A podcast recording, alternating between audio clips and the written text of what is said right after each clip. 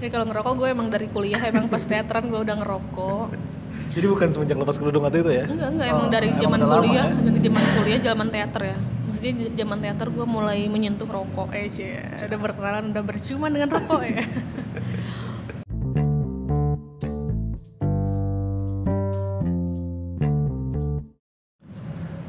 Halo sobat pengantar tidur. Setelah sekian lama akhirnya mengudara lagi dan kali ini rada deg-degan ini karena eh, di depan gua sekarang ada seorang perempuan. Cailah. Masih perempuan kan? kampret ya masih masih masih Gugum, apa kabar Gum? ya sehat pep Jadi nggak tahu tiba-tiba aja nih gua ditodong untuk bisa nemenin dia ngobrolin mau curhat katanya enggak, enggak enggak jadi eh, apa ya? Lu kayaknya kalau gue lihat sekarang banyak perubahan nih. Perubahan dalam hal apa nih pep enggak enggak jadi kan kalau dulu kita eh, taruh jadi gue kenalin dulu mungkin ya. Gugum kan salah satu teman gue juga ya teman liputan lah. Dan eh, pas masuk dulu awal-awal gue ngeliat lu kan solehah gitu kan. Pakai kerudung ya kan. Terus sekarang udah mulai berani gitu mengambil keputusan yang cukup berani gitu. Itu sejak kapan sih mulai berani akhirnya untuk memutuskan melepas uh, identitas itu? Eh, kapan ya? Tapi sebenarnya sih intinya kalau misalkan ngobrolin itu kalau lu nanya perubahan kenapa beda dulu sama sekarang sebenarnya sama aja. Yang bedanya mungkin ya bungkusnya doang yang beda. Sebenarnya pemikirannya kebiasaannya tuh sama-sama aja gitu kayak gitu. Nah terus kapan sih gue mulai em, apa ya full deh buat ya udah deh lepas aja gitu ya. Ya mungkin setelah kuliah. Sebenarnya zaman kuliah memang gue memang agak-agak gimana gitu ya. Karena memang di UIN kuliah semen- setelah kuliah gue merasa memang saatnya deh kayaknya gitu ya untuk mencoba eh, menjadi diri gue sendiri gitu. Tidak tidak terbebani oleh eh, karena memang gue kuliah di UIN kewajiban atau kayak apa dan lain-lain gitu. Tapi di UIN itu emang diwajibkan? Wajib wajib. Oh berarti di UI, apa di UIN Bandung ya? Eh, Iya. itu sam- itu sama sekali nggak ada perempuan yang nggak pakai kerudung di sana gitu? Ya kalau kuliah memang wajib. Kalau di luar memang banyak ya. Kalau kuliah kuliah masuk kelas apa apa memang wajib kerudungan terus akhirnya kayak sama ke UIN Jakarta juga sama deh kayaknya ya.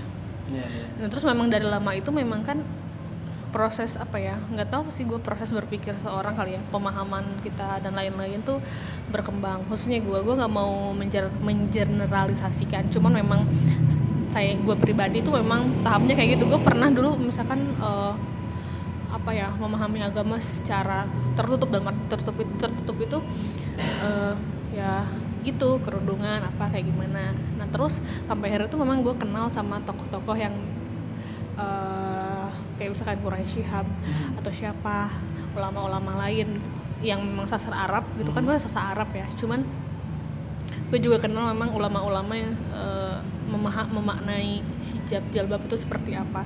Nah dari sana tuh gue juga galau juga tuh kok gini ya gitu dan lain-lain.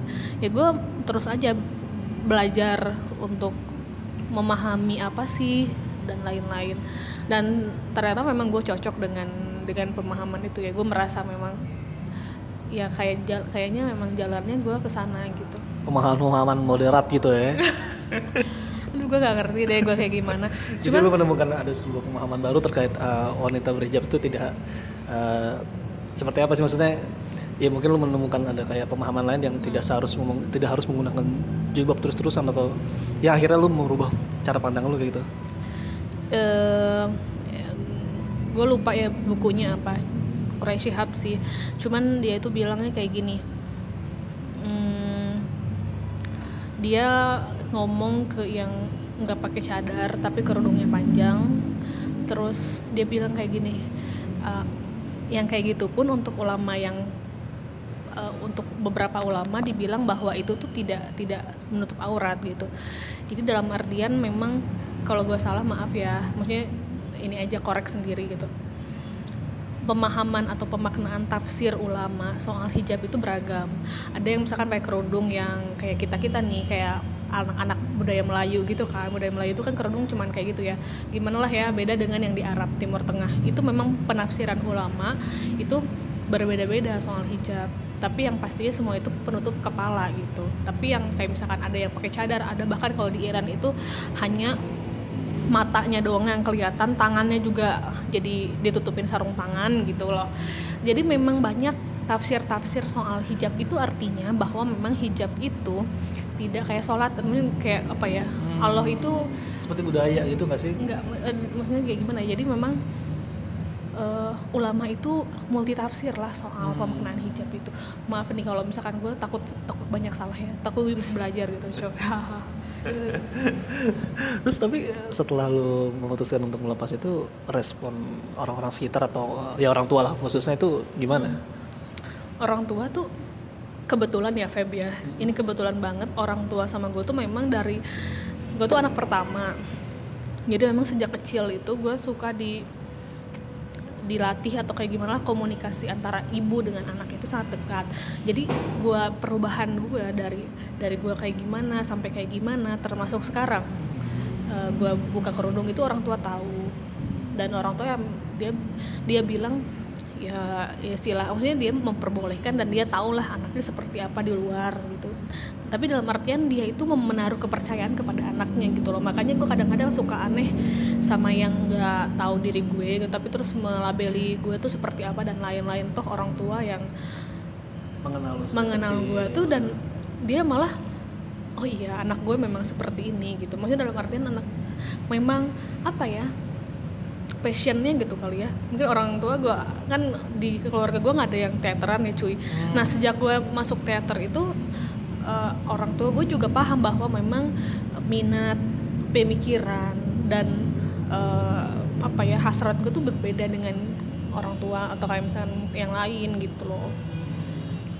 Menarik menarik. Tadi lu sempat singgung soal teater gitu kan. Nah terus eh, seberapa banyak pengaruh dari lingkungan-lingkungan di teater lo yang akhirnya itu membawa lo atau yang ada pelajaran yang bukan pelajaran sih apa ya yang yang lu bisa apa ya dapat dari hal-hal di teater apa? Yang itu membawa lu perubahan sekarang gitu. Apa aja?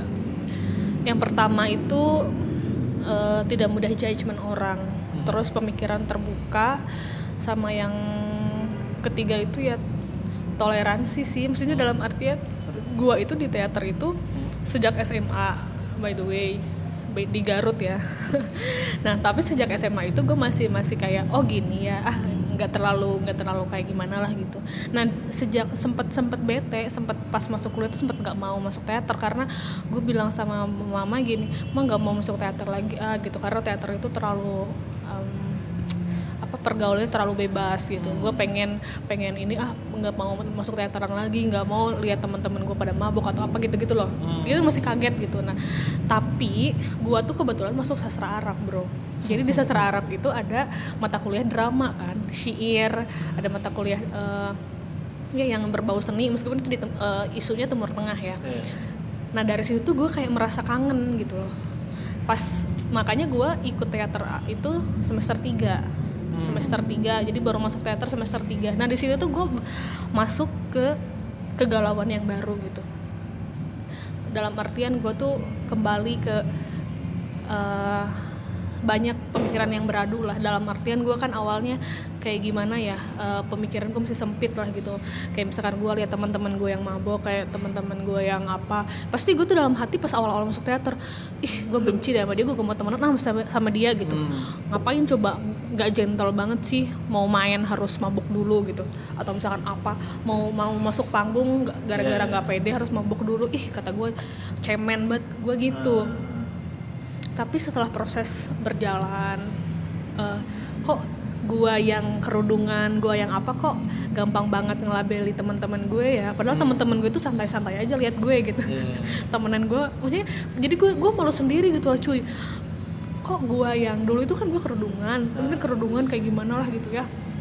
Yang yang kata lo itu solehah gitu ya.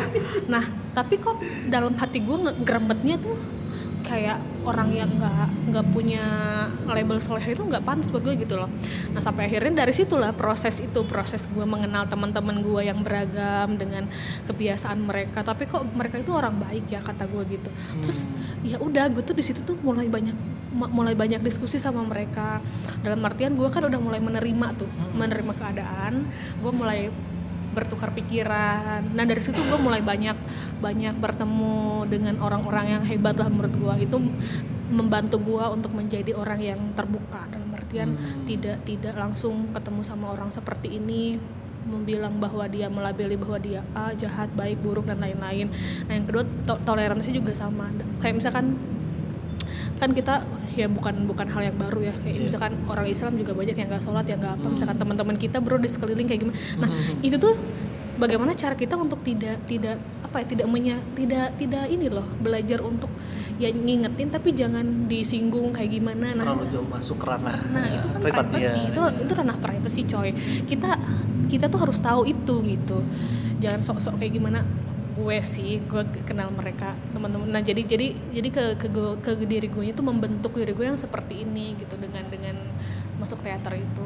Berarti banyak hal-hal tabu, maksudnya seorang wanita kan kayak eh, hal-hal tabu kayak mele- melepas kerudung mungkin ya kalau yang berkerudung atau mungkin merokok itu akhirnya itu yang membuat lu juga apa ya menerima juga ya, ya artinya lu juga ikut merokok gitu kan, sebelum lu kayak sempet ngerokok juga kan waktu itu. Ya kalau ngerokok gue emang dari kuliah emang pas teateran gue udah ngerokok Jadi bukan semenjak lepas kerudung waktu itu ya? enggak enggak emang Oh, dari zaman udah lama kuliah ya? dari zaman kuliah zaman teater ya maksudnya zaman teater gue mulai menyentuh rokok eh cie udah berkenalan udah berciuman dengan rokok ya Tapi sebenarnya pandangan-pandangan wanita merokok yang dianggap masih apa cewek-cewek nakal itu lu mandangnya kayak gimana? Kan karena banyak yang orang stigma-stigma negatif soal cewek ngerokok tuh gini gitu gitu. Gue juga sama Feb. Jadi apa yang orang sekarang misalkan merasakan stigma-stigma kayak gitu ya suka menstigma orang ngelabeli orang gue juga pernah gitu. Gue pernah ada di posisi orang-orang yang suka ngelabeli dengan mudah melabeli seseorang. Gue pernah kayak gitu. Dulu kan gue ah, bilang kan pas gue masuk semester 3 itu gue masih shock culture. Dalam artinya culture eh, si- di Garut sama di Bandung itu kan lingkup lingkungannya lebih beda. Jadi di, di Bandung itu lebih luas dong coy. Kayak misalkan mabuk itu udah nggak malu-malu lagi atau kayak gimana. Dan artian tuh gue makin kaget dong. Nah, lihat cewek-cewek ngerokok gue ih apaan sih? Gue ini gitu loh gue awal-awal. Makanya teman-teman gue yang dalam nah di situ tuh kita kitanya memang tidak paham mungkin ya. Kita tidak tidak tahu dan kita langsung belum apa-apa dari dari bungkusnya udah kayak gimana udah langsung lah gitu. Padahal kan setelah kita apa ya setelah kita tahu setelah kita kenalan makanya kenalan maka tak sayangnya dari situ sih dari ya itu dari proses proses kita saling mengenal terbuka dan lain-lain dari situ akhirnya gue memang dan memang gue ya sendiri sih jadi gue tuh nggak pernah mau kalau misalnya gue ngerokok gue gara-gara orang. Gue gara-gara disuruh orang nggak. Memang itu kesada- Pengen atas kesadaran dan diri gue sendiri. Terakhir eh, setelah banyak perubahan yang lu alamin itu sebenarnya lingkungan eh, nerima gak sih? Maksudnya seberapa eh, seberapa lingkungan-lingkungan sekitar lu menerima lu dengan perubahan yang, yang lu sekarang eh, lakukan gitu? Em, Banyak penolakan pastinya kan? oh, penolakan banyak banget sih apalagi orang-orang yang memang tidak tahu sama gue gitu ya Justru yang nolak bukan orang tua ya? bukan orang tua coy jadi yang agak-agak sinis yang agak menjengkelkan dan keparat itu tuh bukan orang tua gue yang tahu gue. Maksudnya mereka mereka yang kayak gitu itu memang orang-orang yang tidak tahu dan sok tahu tentang diri gue dan sejarah diri gue gitu loh coy. Dan ya gitu. Kalau misalkan dia ada teman gue dari kuliah itu udah tahu bahwa pemikiran gue itu memang udah kritis. Mungkin dalam arti kritis tuh religius religius kritis lah. Jadi gue tuh selalu mengkritisi eh, ayat-ayat atau kayak gimana lah ya. Kok gini ya kok gitu ya. Itu udah ada dari lama gitu. Nah kalau orang-orang yang kenal dengan gue dari lama tuh gue kayak gini ya mungkin dia nggak bakalan sekaget dan ya kayak gitulah penolakan lagi gimana. Enggak karena gue itu apa sih yang beda dari gue? Nggak ada yang beda. Dari lama juga gue kayak gini kok. Gitu. Mungkin cuman bungkusnya doang mungkin yang beda. Oh, jadi eh, ya lu bodoh amat lah ya dengan segala macam apa saran mereka dan eh bukan menerima bukan anti kritik ya tapi memang mereka mereka so tahu ini yang menurut apa ya menurut lu ya lu so tau banget apa hidup hidup gue yang gue jalanin kayak gitu kan. Artinya lu udah udah cuek banget gak sih sama orang-orang kayak yang ngomong kayak gitu? Eh, nggak tahu ya cuman tapi kadang-kadang suka kepikiran juga kalau itu datangnya dari orang yang atasan gue misal gitu Feb tiba-tiba nyuruh kayak gimana gitu ya itu bikin down juga sih. Kad- kadang-kadang suka pengen kayak gimana gitu loh.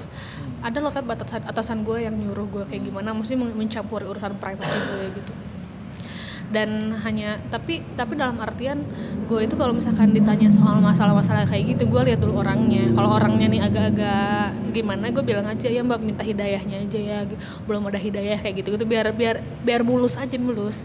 Nggak ada pertentangan. Tapi kalau orang-orang kayak lu yang santai gitu ya kita bisa diskusi gitu. Diskusi itu kita dengan dengan enak diskusi oke gue terbuka gitu. Tapi kalau orang-orang yang agak-agak tertutup gue bilang aja memang gue memang belum dapat hidayah kayak gitu. Biar aman kan? Yo, iya. Kan? Persaudaraan aman. Jadi setelah ini ada perubahan apa lagi nih? Kawin ntar besok